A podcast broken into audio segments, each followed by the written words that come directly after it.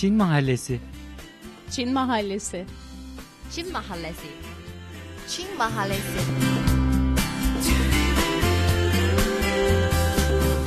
Çin Mahallesi.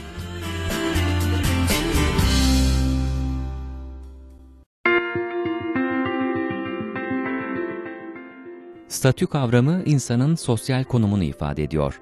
Farklı ülkelerde tarihin farklı dönemlerinde insanlar farklı şeyleri statü sembolü olarak gördüler. Eskiden şişmanlık yüksek bir statüyü temsil ederken şimdi ise zayıf, formda olmak önemli görülüyor. Aslında saç modelimizden elimizde taşıdığımız kahve bardağında yazılı markaya, bindiğimiz arabadan seyahat sıklığımıza dek her şey birer statü göstergesi. Modern Çin toplumundaki hızlı gelişmeyle statü sembolleri de daha büyük hızla değişiyor. Peki Çin'de statü sembolleri tarihte nelerdi, şimdi neler? Çinliler statülerini yükseltmek veya yüksek göstermek için nelere başvuruyor? Bu konuda yeni modalar neler? Çin Mahallesi başlıyor.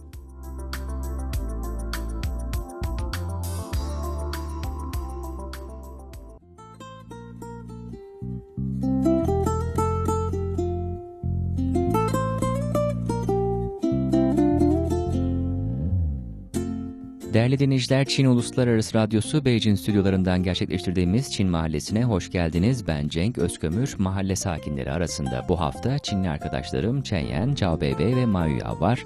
Bugün Çin'de statü sembollerini konuşacağız. Statü nedir? E, tarihte statü sembolleri neydi? Modern toplumda statü sembolleri nelerdir? Bunları konuşacağız. Öncelikle statü tabii nedir diye kısaca belki açmak lazım. Bir sosyal pozisyon olarak niteleyebiliriz. E, kişinin, bireyin toplum içindeki yerini ifade eden sosyal bir kavram aslında statü ve tarih içinde statü kavramı değişiyor. Her toplumda değişiyor sadece Çin'e özgü değil.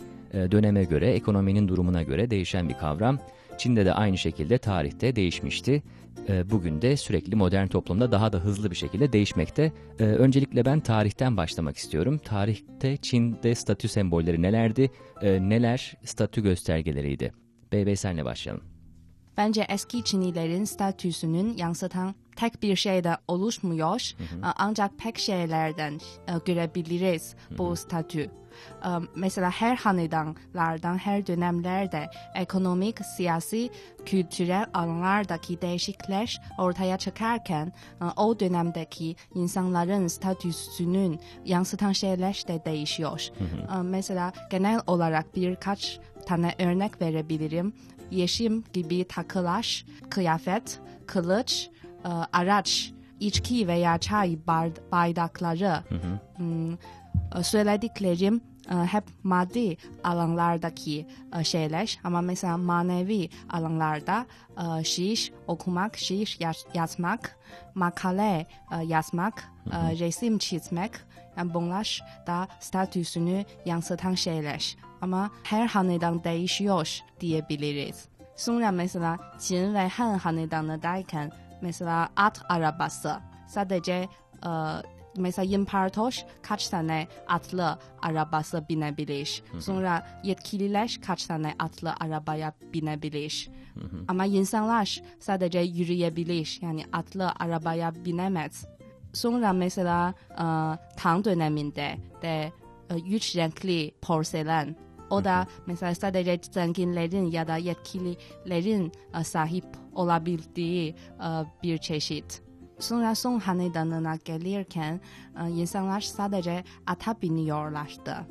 Tahterevan kullanmıyordu. Çünkü o dönemdeki insanlara göre insan taşıyan tahterevan insanın hakkını yiyor. Başka bir insanın hakkını ihlal etmiş oluyorsun belki. Evet. O yüzden insanı başka bir insan taşımak için kullanmaktan vazgeçiyorlar.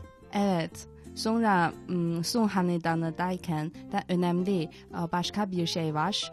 Tüccarların statüsü de yükseliyordu. Başka eski Çin'de tüccarların statüsü çok düşüktü. Ama son hanedanıdayken belki deniz İpek yolu üzerinde çok ticaret yapıyordu dış, dış dünyayla. Bu yüzden tüccarın, tüccarların statüsü çok yükseldi. Sonra Son hanedanı derken hangi yıllar oluyor kabaca söyleyebilir misin? Bin yıl önce mesela. Hı hı. aynen bebeğin söylediği gibi farklı sembollere göre e, sınıflandırılıyor Çin'deki statüleri. Mesela ben daha detayları bilgi ver, vermek istiyorum. Mesela e, bebeğin söylediği kıyafet rengine göre sınıflandırılıyor. Mesela zenginler veya üst düzey yetkililer e, Tang Hanedanı'nda veya daha e, geçmişte e, genellikle mor veya kırmızı kıyafeti giyiyor, giyiyorlar ama sıradan halklar için ancak beyaz giyin, giyebilir. De Bir de- özellikle sarı tabii ki Çin tarihinde yani imparator rengi artık Aynen kavram öyle. olarak imparator sarısı diye kavramlaşmış bir renk. Evet çünkü imparator eskiden güneş olarak benzetiliyor.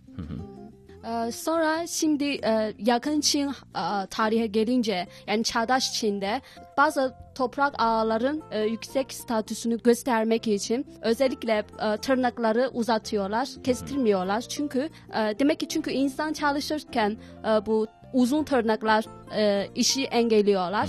Ama çok sayıda hizmetçi veya yardımcılara sahip olunca tabii kendisi çalışmıyor. Bir de tır- bu bu nedenle tırnakla korunu, korunuyor. Bu da bir simgesi oluyor. Zenginliğin Yani bu şöyle söyleyebiliriz aslında. Yani şu an Çin'e gelen yabancıların hep dikkatini çeken bir şey. Neden Çinli erkekler tırnaklarını uzatıyor? Hala Aslında- bile modern toplumda bile en azından bir tırnağını uzatıyor Çinli erkeklerin çoğu. Ve genelde batılı erkekler buna şaşırıyor.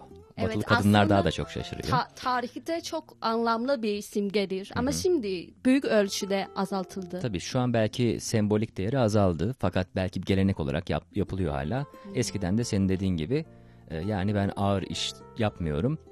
İşte bir şey taşımıyorum, bir şey odun kesmiyorum falan filan. Ağır işleri ben yapmıyorum. Onu yapan kişiler yanında çalışıyor Evet, demek için Evet. tırnak bir e, statü sembolü.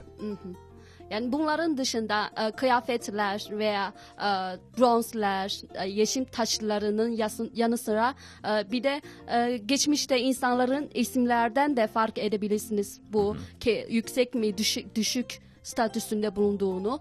E, Mesela mesela bazı özel soyadlar e, zenginler için veya a- ai- aileden gelen bir isimler, soyadlar olabilir. Mesela şimdi yani bunu açar mısın bir şey olarak? Ee, şimdi Çin'i tanımaya çalışan insanlar genelde Çin'de zaten birkaç soyadı var gibi. Aynen. O birkaç soyad da tekrar ediyor gibi. Yani Evet. Birkaç Aslında- tabii ki sayı olarak çok ama yani koca bir ülkeye bir buçuk milyar insan düşününce az soyadı var. A- aslında Çinliler e, onların soyadlarından e, fark edebilir nereden kaynaklandığını. E, Çin'de biliyorsunuz çok sayıda soyadı var. E, Ama e, en basit bir örnek vermek istiyorum. Mesela e, bu Çin hanedanından gelen en şöhretli bir soyadı Ayşin Cuelo. E, Eğer bir insanın soyadı Ayşin Cuelo olursa o kesinlikle imparator ailesinden geliyor. Mesela Ming Hanedanı'nın kurucusu e, Zhu Yuanzhang e, o ülkeyi kurarken e, bütün onun e, torunlarına bir isim verdi. Yani bir liste var vardı ve e, bugün e, bugüne kadar onun torunlarını yine bu isimleri kullanıyor. Yani bu isim e, taşıyan insanlar kesin e, Zhu Yuanzhang yani e, imparatorun e, torunuydu. Ben daha bir şey e, eklemek istiyorum. Tabii. Yani aslında bu Çin'deki soyadlar m, çok sembolü bir şey. Yani e, insanlar kendisinin soyadından çok bilgi elde, e- elde edebilir. Yani tarihte nasıl bir aileden mesela bizim benim soyadım Ma. Ben e, araştırdım benimki soyadım en ilk kullanan bir e, general olmuş. Hı hı. Statü sembolüyle ilgili şey de var. Mesela az önce Bey Bey e, arabalardan vesaire bahsetti. E, bir de mesela yine Çin'e gelen yabancıların dikkatini çeken özellikle böyle e, eski yapıları gördüğünüzde o yapıların çatılarında böyle küçük ejderler var. Evet. O ejderlerin de sanırım aynı yine statü sembolü değil mi? Onlar da aynı şekilde sayısına göre o kişinin Evet. pozisyonu anlaşılıyor değil mi? Evet. Mesela yasa kente e, görebiliriz. Ama sayı hatırlayamıyorum. İşte bu ejderha e, kullanan e, mutlaka imparatora e, ait. Hı hı. Şeyde de mesela Pekin Üniversitesi'nin üniversite kampüsü de çok iç- eski binalar olduğu için içinde şu an hala derslik olarak kullanılan e, bazı binalarda tepelerinde böyle küçük küçük o ejderha heykelleri var.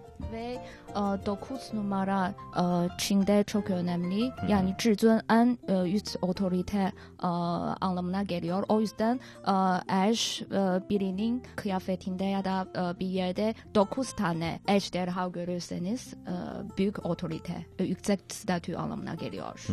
Ve e, böyle genel söyleyebiliriz. E, eski Çin'de e, insanların statüsü e, genel olarak o dönemin e, ekonomik durumuna göre değişiyor. E, t- mesela Tang ve Song hanedanı iken hatta sıradan insanlar bile onların statüsü daha yüksekti. Ama eski Çin'in ekonomik durumu kötüleşirken mesela en son e, hanedan, Çin hanedanı e, satrazam bile onun statüsü aslında çok e, düşüktü. E, imparatora göre o yine bir hizmetçi yani bir insan bile sayılmıyordu. Tabii ki özetlemek için yani toplumsal yapı, ekonomik yapı belirleyici oluyor statü sembollerinde. O yüzden az önce yine Beybey'in söylediği e, tarım toplumunda tarımla uğraşanlar, toprak ağlarının önemi daha fazla oluyor. Ama daha sonra ticaret geliştikçe tüccarların önemi fazla oluyor. Evet. Ve Çin Hanedanı dönemine gelince ki işte Cumhuriyet öncesi tabii ki son dönem. e, O dönemde de artık yani imparatorluk çöküyor, çöküşe doğru gidiyor. E, Maddi olarak da tabii ki çok kötü durumda. O yüzden artık e, yani hanedan ailesinin bile o kadar fazla forsu gücü kalmıyor. Yine burjuvazi dediğimiz işte tüccar sınıfı aslında daha güçlü olmaya, etkin olmaya başlıyor idarede. Yine de bu e, tarihle ilgili bir şey eklemek istiyor, bir konu eklemek istiyorum. Mesela şu an e, statüyle ilgili birçok sorun esas olarak e, tarihten kaynaklanıyor. Mesela eskiden Gongmin yani e, devlet sınavına katılmak, sonra başarılı olmak, e, bir vezir olmak çok otor- otoriteli bir şey. Hem hemen bütün erkekler bunu bu alanda çalışıyordu. Bugünlerde ise yine devlet e, memuru olmak, çalışma alanında yüksek statülü bir görev. Aslında e, Çenyen'in söylediği o devlet sınavı o dönemdeki sıradan halkın için en basit yani statüsünü yükseltmek için en basit bir yol. Hı hı. Ama o sınavlar da o kadar basit değil değil mi yani tarihte? Yani görece çok zor. O sınav çok zor ama bir sıradan bir insan kendisinin statüsünü düzeltmek için, yükseltmek için en basit yol oldu. Bir de statü e, Çin'in Çin toplumunda çok e, büyük e, önem var. E, Mesela bu statü bana göre birinin ailedeki statüsü ve e, toplumdaki statüsü olarak ayrılabilir. Mesela biz e, bu dünyayı anlamaya başladığımızda anne babam bize yani bu ailede kimler e, büyükler kimler e, küçükler söylüyor. Buna göre büyüklere saygı e, göstermeliyiz. Demin bebe hizmetçi e, ve e, vezir ilişkisinden bahsetti. E, şi- şimdi biz e, topluma katı, e, işlerine katıldıktan sonra ilk önce e, patron personel arasındaki ilişkileri bil- biliyoruz. Aslında bu statü konusu e, birinin bir Çinlinin ilişkileri çözme, e, başkalarına davranma kuralları belirledi. Hı hı. Yani çok geniş bir kavram tabii statü. Az önce söylediğimiz gibi hem dö- dönüşen, değişen bir kavram hem de içinde bulunduğunuz ortama göre değişen bir kavram. Yani bir iş yerinde çalışıyorsanız sonuçta sizin amiriniz var, amirinizin amiri var vesaire. Bu bir hiyerarşi ilişkisi. Orada da bir statü sahibi oluyorsunuz. Ama bir de toplumsal yapı içinde veya Cenyen senin söylediğin gibi aile içinde mesela aile büyüğü var, annenin yeri var, babanın yeri var. Onun da bir de mesela babaannenin, dedenin yeri var vesaire. Ee, onun dışında da işte toplumsal genel olarak konuştuğumuz bu toplumsal yapı içindeki statü. Yani o da onda belli göstergeleri var. Birazdan modern toplumdan bahsetmek istiyorum. Modern toplum konuşurken bunları daha çok açacağız şu an e, bu statü sembolleri nelerdir diye. Bir şey daha söylemek istiyorum. Yani e, tarihte de bugün de e, Çinlilerin statüsü e, statüsünü gösteren şey e, temel iki şey var. Yani yetki ve para. E, bu iki şey e, temel iki şey. Ya devlet memuru e, sınavına girmek o da yetki ol, yetkili olmak için ya da e, ticaret yapmak e, e, da para kazanmak için. E, bu iki şey elde ettikten sonra e, insanlara göre e, statü e, statüsü e, yükseliyor. Evet. Yani az önce manevi kısmının da olduğunu aslında söyledin fakat o bunlara göre genel olarak tabii düşük kalıyor. Yani bir, bir e, entelektüel olmak, şair olmak. Evet ama çünkü şöyle bir durum da var. Eski e, dönemde fakir Çinliler e, e- eğitim göremiyordu zaten. Sadece e, zenginler ya da soylu aileden gelen e, çocuklar eğitim görebilirdi. E, bu yüzden manevi durum ve e, maddi durum hmm, eşit diyemiyoruz Ama ilişkili, paralel. Aa, paralel, paralel oluyordu aslında. Yani bu konuyu isterseniz yavaş yavaş kapatalım. Kapatırken de ben tekrar e, söyleyeyim yani statü konusu tarihte değişiyor. Tarihte e, toplumsal yapıya göre değişiyor. Avrupa tarihinde mesela e, eski kitaplarda yazar ki diyelim ki matbaanın yaygınlaşmasından önce kişisel kütüphane sahibi olmak büyük bir statü göstergesi. Çünkü o zaman matbaa olmadığında yani kişisel kütüphanendeki kitaplar genelde el yazması. Hepsi çok kıymetli. Belki senin için özel hazırlanmış. Ama daha sonra matbaa bütün Avrupa'da yaygınlaşmaya başlayınca herkesin elinde kitap oluyor ve e, kişisel şahsi kütüphanelerin değeri kayboluyor. Bunun dışında toplumsal yapıyla ilgili yine Avrupa'dan verilen örnek mesela savaşçı toplumlarda erkeklerin tabii ki özellikle vücutlarındaki yara izleri.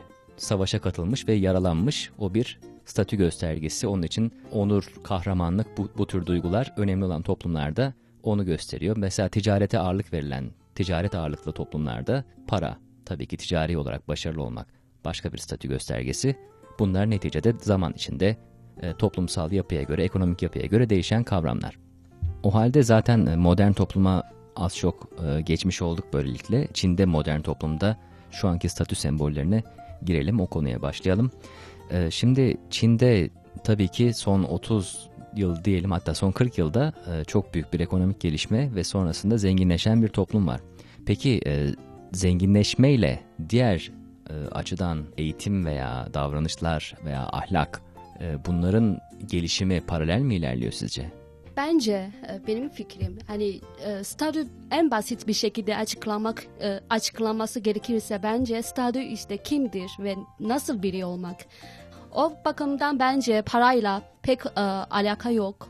Mesela e, çok bir, bir zengin bir aileden gelen bir birisine onun statüsü çok yüksek olmasına bence e, öyle kesin bir karar veremiyoruz. Onun davranışına bağlı, onun yaptıklarına bağlı. Aslında kimler statülü olması Çin toplumunda sık sık tartışılan e, bir konu. Bu konuya cevap verilmez bence. E, Çünkü bana göre bugünkü toplumda herkes eşit, herkes statülü. E, Kendini nasıl kabul etmenize bağlı bu cevap.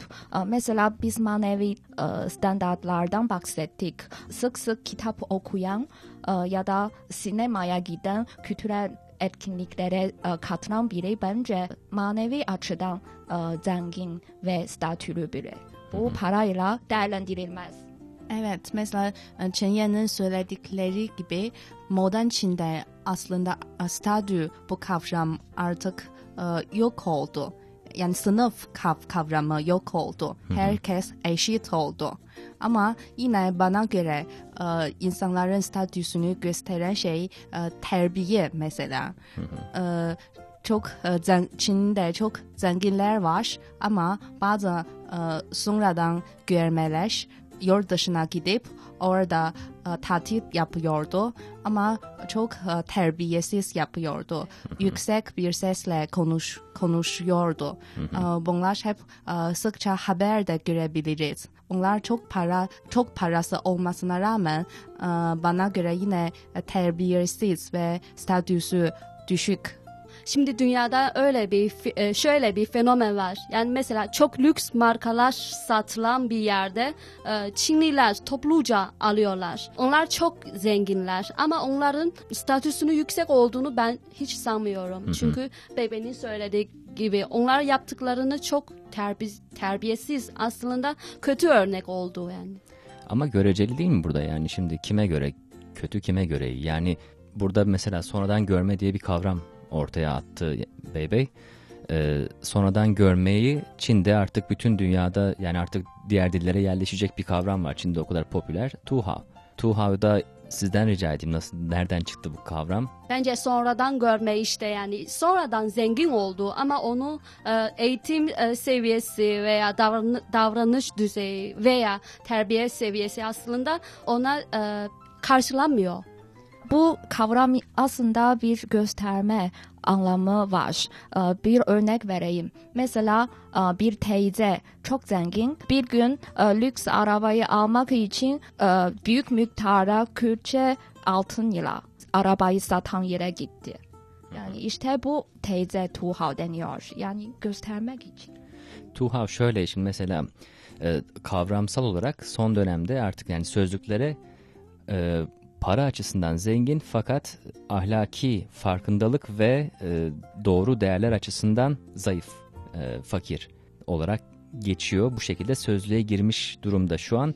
Tuha e, kavram olarak çıkışı da eskiden zaten toprak ağalarına deniyor Tuha. Kendi yanında çalışanları veya diğer köylüleri aşağılıyorlar. Özellikle e, Cumhuriyet, sanırım Çin Cumhuriyeti döneminde böyle bir kavram var. Son olarak modern toplumda yani bu son birkaç yılda konuşulan Tuha kavramı ise Çin'in sosyal medya devlerinden olan Weibo, Çin'in Twitter'ı falan diye bilinir. Weibo'da e, her böyle yayılan bir şakadan kaynaklıydı. Yani zengin biri gidiyor Budist rahibe, diyor ki ben çok zenginim fakat mutlu değilim. O da diyor ki zenginlik nedir açıklar mısın? Sonra diyor ki o zengin kişi e, bankada milyonlarım var. Beijing'in merkezinde 3 apartman dairesi var. Sizce bu zenginlik mi diyor. Sonra Budist rahip de ve elini tutuyor ve diyor ki o zengin çocuğa Tuha hadi arkadaş olalım diyor. Burada Tuha kavramı tekrar e, Çin'in gündemine gelmiş oluyor ve çok fazla bu bundan sonra artık haberlerde herhangi bir şekilde ne, ne görürsek böyle işte dışarıda para harcayan fazla aşırı harcamalar yapan Çinliler için bu kavram kullanılıyor. Sonradan görme diyebiliriz. Ee, batı dilinde yeni zenginler vardır. Yeni zengin denir tırnak içinde ona. Onun aynı şekilde bu anlamda kullanılıyor. Fakat burada yani benim mesela merak ettiğim bir nokta.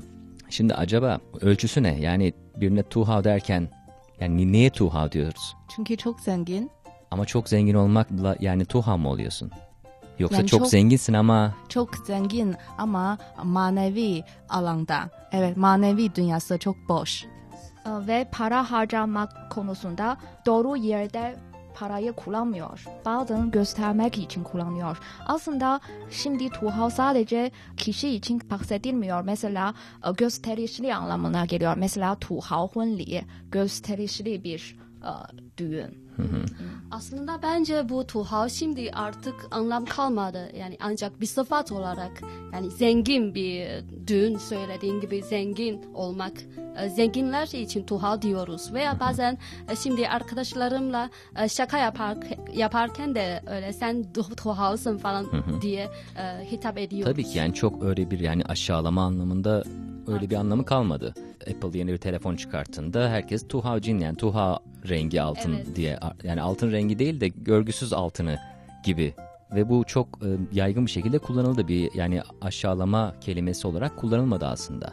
Tam gösteriş kelimesi üzerinden gidersek diyelim ki gösteriş ne, neye göre gösteriş yani zengin evet parası var ve büyük bir düğün yapıyor. Ama mesela başka biri de zengin ve büyük bir düğün organize etmek istiyor. Bu ikisi arasındaki fark ne yani o zenginlik ölçüsü ne? Mesela e, bu e, sonradan görmeler mesela bir gelinin kolu var ve gelinin kolunda tüm e, kol, kolda altın takılar takıyor takıyorlar ve bu bana hiç güzellik gelmiyor. Yani e, Estetik değil yani. Evet ya da bir çocuk e, bir e, gelin gelinin evine gidip ne kadar para e, taşıyor. E, Bunlar yani sadece para vermek ya para göstermek için gösteriyor. Yani hiç güzellik anlamı yok. Bence bu ölçü e, insanın dikkatini almak için, ilgisini görmek için öyle sırf benim zengin olduğumu göstermek için yapıyorlar. Peki şöyle mesela e, lüks tüketim ürünleri var. Mesela lüks markalar var. Diyelim ki işte belli bir markanın çantası var. Çok ünlü bir sinema yıldızı o çantayı satın alıyor. Ve belki o sinema yıldızı kadar parası olan başka bir Çinli taşradan bir kadın da o çantayı satın alıyor. o kadının o çantayı satın alması neden tuha oluyor da Çinli yıldızın al, alması olmuyor?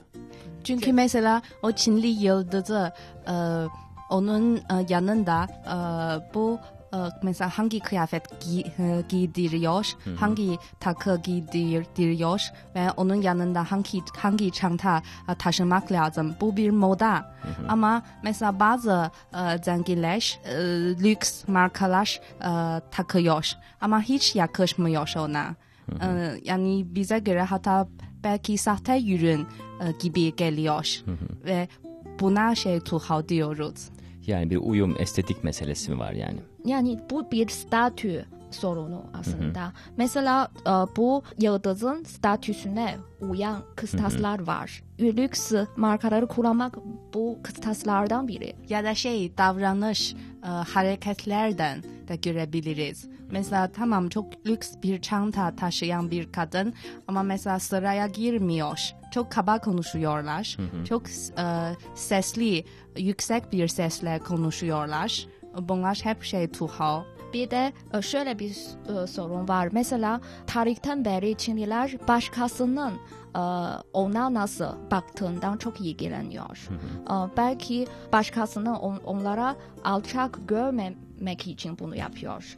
Kısacası aslında lüks ürünleri almak da yani o tuha veya işte sonradan görme zengin dedikleri kişilerin aslında statü sahibi olmaları için yaptıkları şeyler. Yani belli bir markanın çantasını almak, ayakkabısını almak, işte bir belli bir marka arabaya binmek bunların hepsi aslında yine o statü sahibi olmak için yapılan davranışlar. Burada tabii hatırlatayım Çin e, lüks ürün piyasası olarak dünyada ilk sırada yer alıyor. Evet.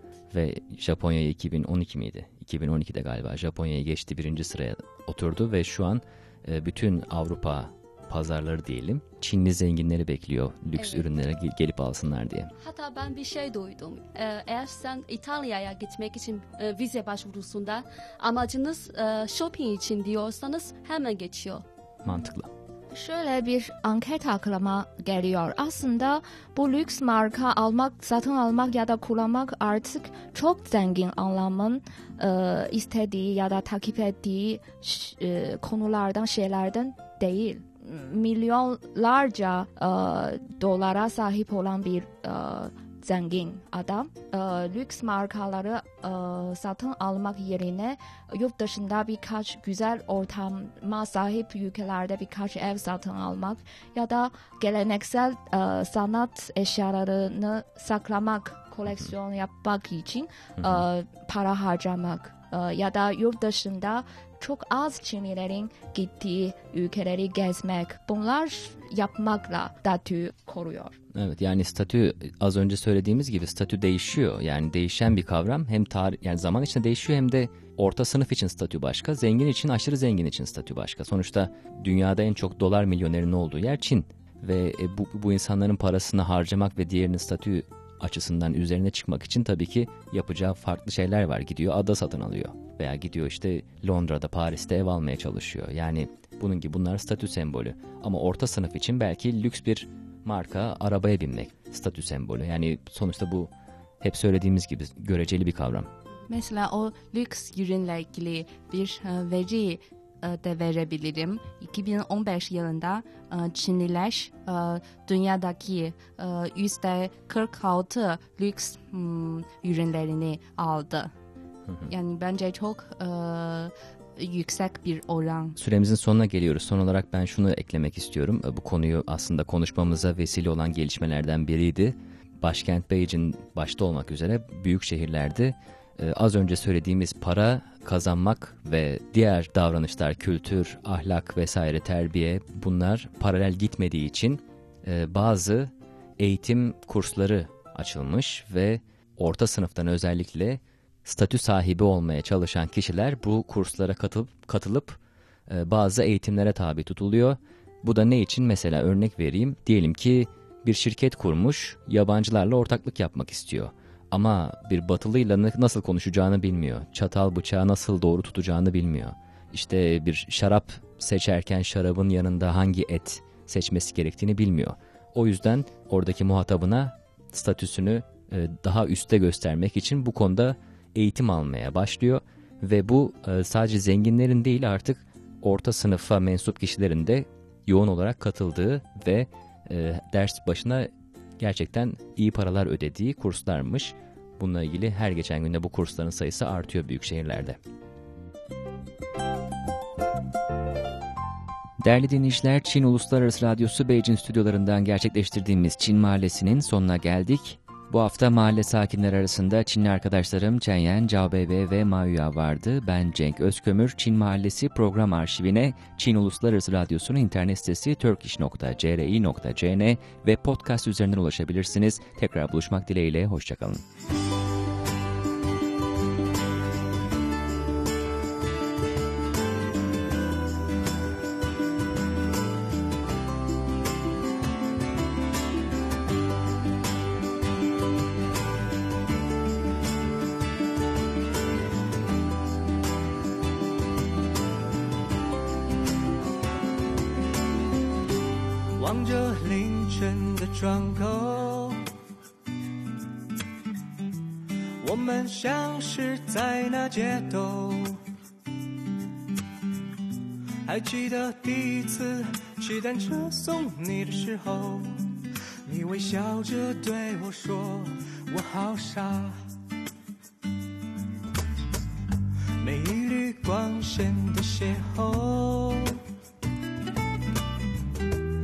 我们相识已有很久，曾经我们一起欢欣的、艰难的，多年以后都是刻骨铭心的。再不会觉得爱情来的突然，彼此珍惜着对方，才是永远。生命中遇见了对的人，就是幸福的起点，记录我们一起走过的世界。